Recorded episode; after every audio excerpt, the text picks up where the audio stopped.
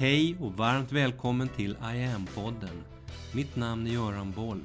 Här kommer jag varje vecka att presentera, utveckla tankar kring och polera på en ny facett av denna märkliga, mäktiga ädelsten vi kallar yoga. Kvantfysik och yoga, hänger det alls ihop? Är inte det bara en våt yogisk dröm? En önskedröm?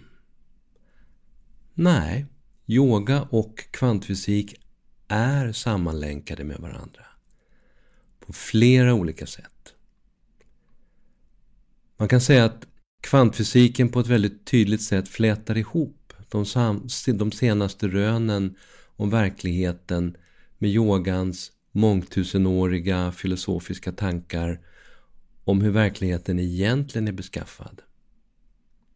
Om vi går tillbaka några hundra år så arbetade den franske matematikern och filosofen Descartes på 1600-talet fram ett rent mekaniskt betraktelsesätt av den fysiska världen.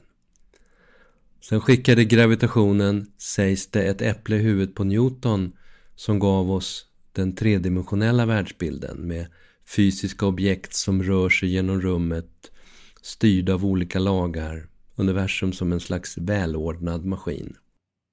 På 1800-talet kom Darwin med sin evolutionsteori, det naturliga urvalet, med människan som biologisk överlevnadsmaskin. Ungefär så ser det ut när vi går in i 1900-talet. Där formuleras den nya fysiken, det vi kallar kvantfysik. Och den har i princip påverkat allt i det moderna livet. Den pratar på ett väldigt spännande sätt om sånt som yogan har beskrivit i årtusenden. Och den är det område där västerländsk vetenskap allra tydligast har hunnit ifatt och bekräftar yogans energitänk. Kvantfysiken beskriver hur materia och energi beter sig i mikrokosmos. För att förstå atomer och andra subatomära system, hur de fungerar, då är den här formen av fysik helt nödvändig. Kvantfysikens så kallade fäder, de som hittade på alltihopa, Niels Bohr, Max Planck, Werner Heisenberg, Irving Schrödinger med flera, de tittade djupt in i sina mikroskop, finjusterade sina matematiska kalkyler, la sina pannor i riktigt djupa veck och sa det här stämmer inte. Tid och rum på det sätt som Newton beskrev fungerar helt enkelt inte på alla nivåer. Det som verkar så solitt när vi klämmer på det, det är inte alls så solitt när vi kikar och räknar in i djupet. De minsta legobitarna, de är inte fysiska alls. De verkar faktiskt vara gjorda av ingenting. De mikroskopiska fenomenen är helt enkelt drastiskt annorlunda. Exempelvis säger kvantfysiken att alla skeenden är slumpmässiga. Fysiken är inte alls exakt. Den kan bara ange sannolikheter, ingenting annat.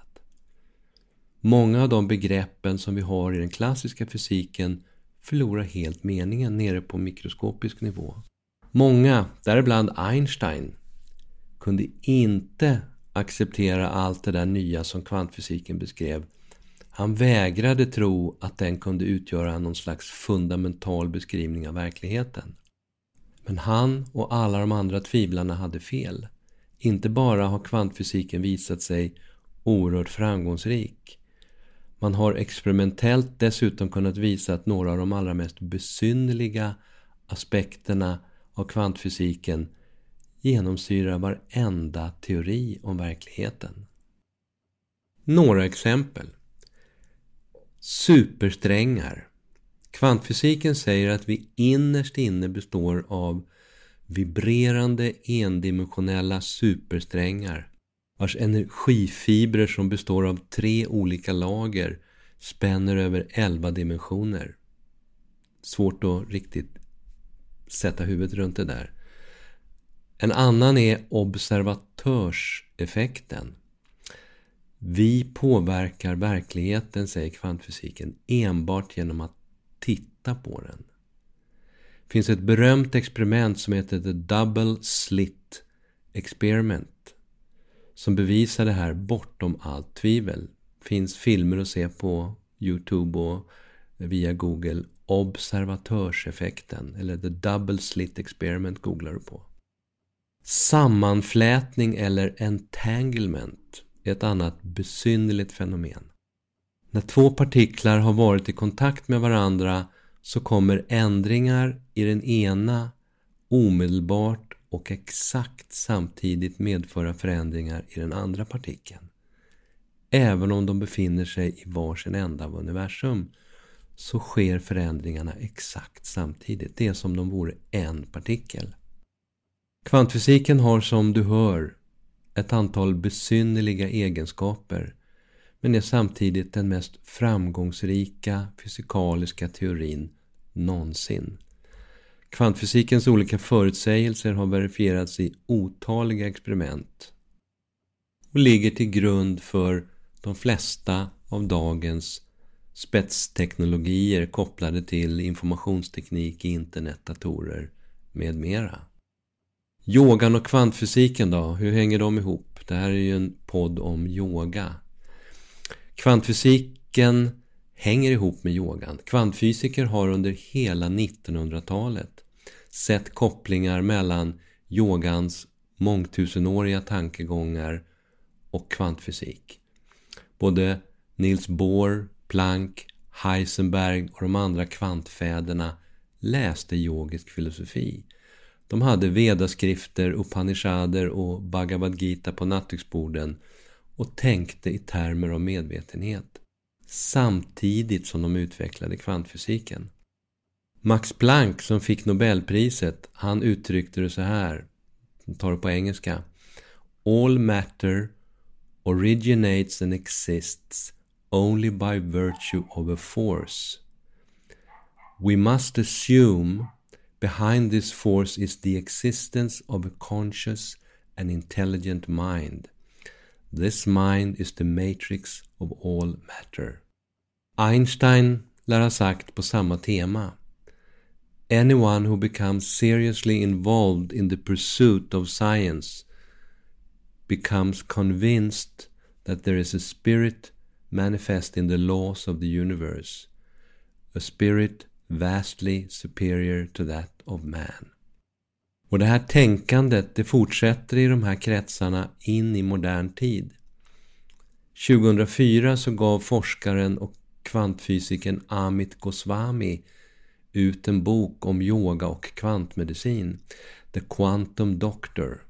Han säger att de österländska läkekonsternas begrepp chi, prana, chakra, meridianer, doshor och kundalini inkluderar det eteriska in i det fysiska på ett sätt som helt saknas i västerländsk medicin.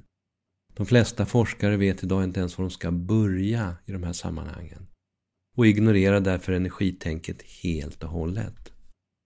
När vi enligt Goswami börjar applicera kvantmekanik på yoga, meditation, traditionell kinesisk medicin och ayurveda så förklarar kvantfysiken mikroskopiskt vad det är som faktiskt händer när vi gör det vi gör.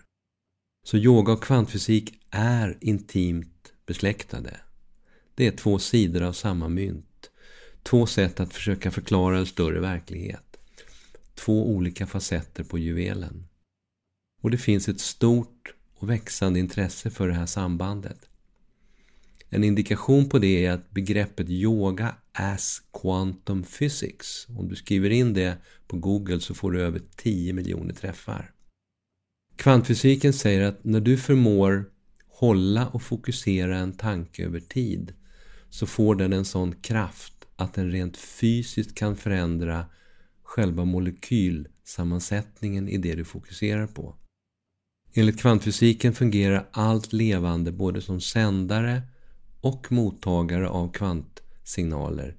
Det vill säga, du och jag kommunicerar med varandra ända ner på kvantnivå. Och yoga och framförallt meditation är sedan många tusen år tillbaka väl utprövade verktyg för att lyssna och kommunicera inåt. För att fokusera sinnet. När du i meditation förmår fokusera djupt in i dig själv så får du innanför mindet, tankarna, sinnet, in i skarvarna, mellanrummen mellan tankar och känslor, access till det som man inom kvantfysiken kallar zero point field, nollpunktfältet. Och mellanrummen är de där, det där fältet, spacet som holografiskt genomsyrar kosmos. Det genomsyrar även oss. Och det påverkas av det vi gör, tänker, säger och känner. Säger man kvantfysiskt. Kvantmedvetenhet, det är förmågan att hålla fokus kvar i det där mellanrummet. Och när du gör det så skiftar det fokus i dig. Vilket är vad yoga ursprungligen har syftat till och under årtusenden utvecklat tekniker för. Något som också flera av de tidiga kvantfysikerna beskrev i början på 1900-talet när de gav uttryck för att den yogiska filosofin i deras ögon var så fylld av kvantfysisk kunskap.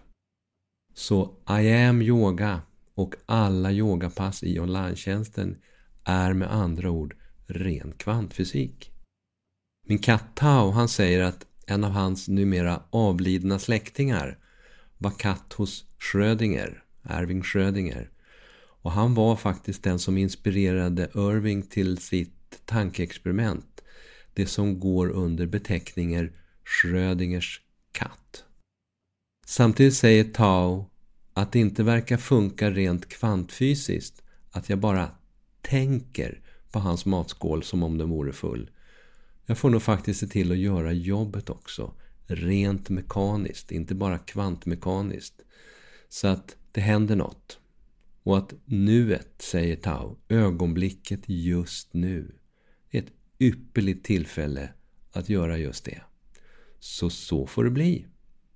Vi hörs! Mitt namn är Göran Boll. Det var jag som skapade Medyoga och grundade Medyoga-institutet.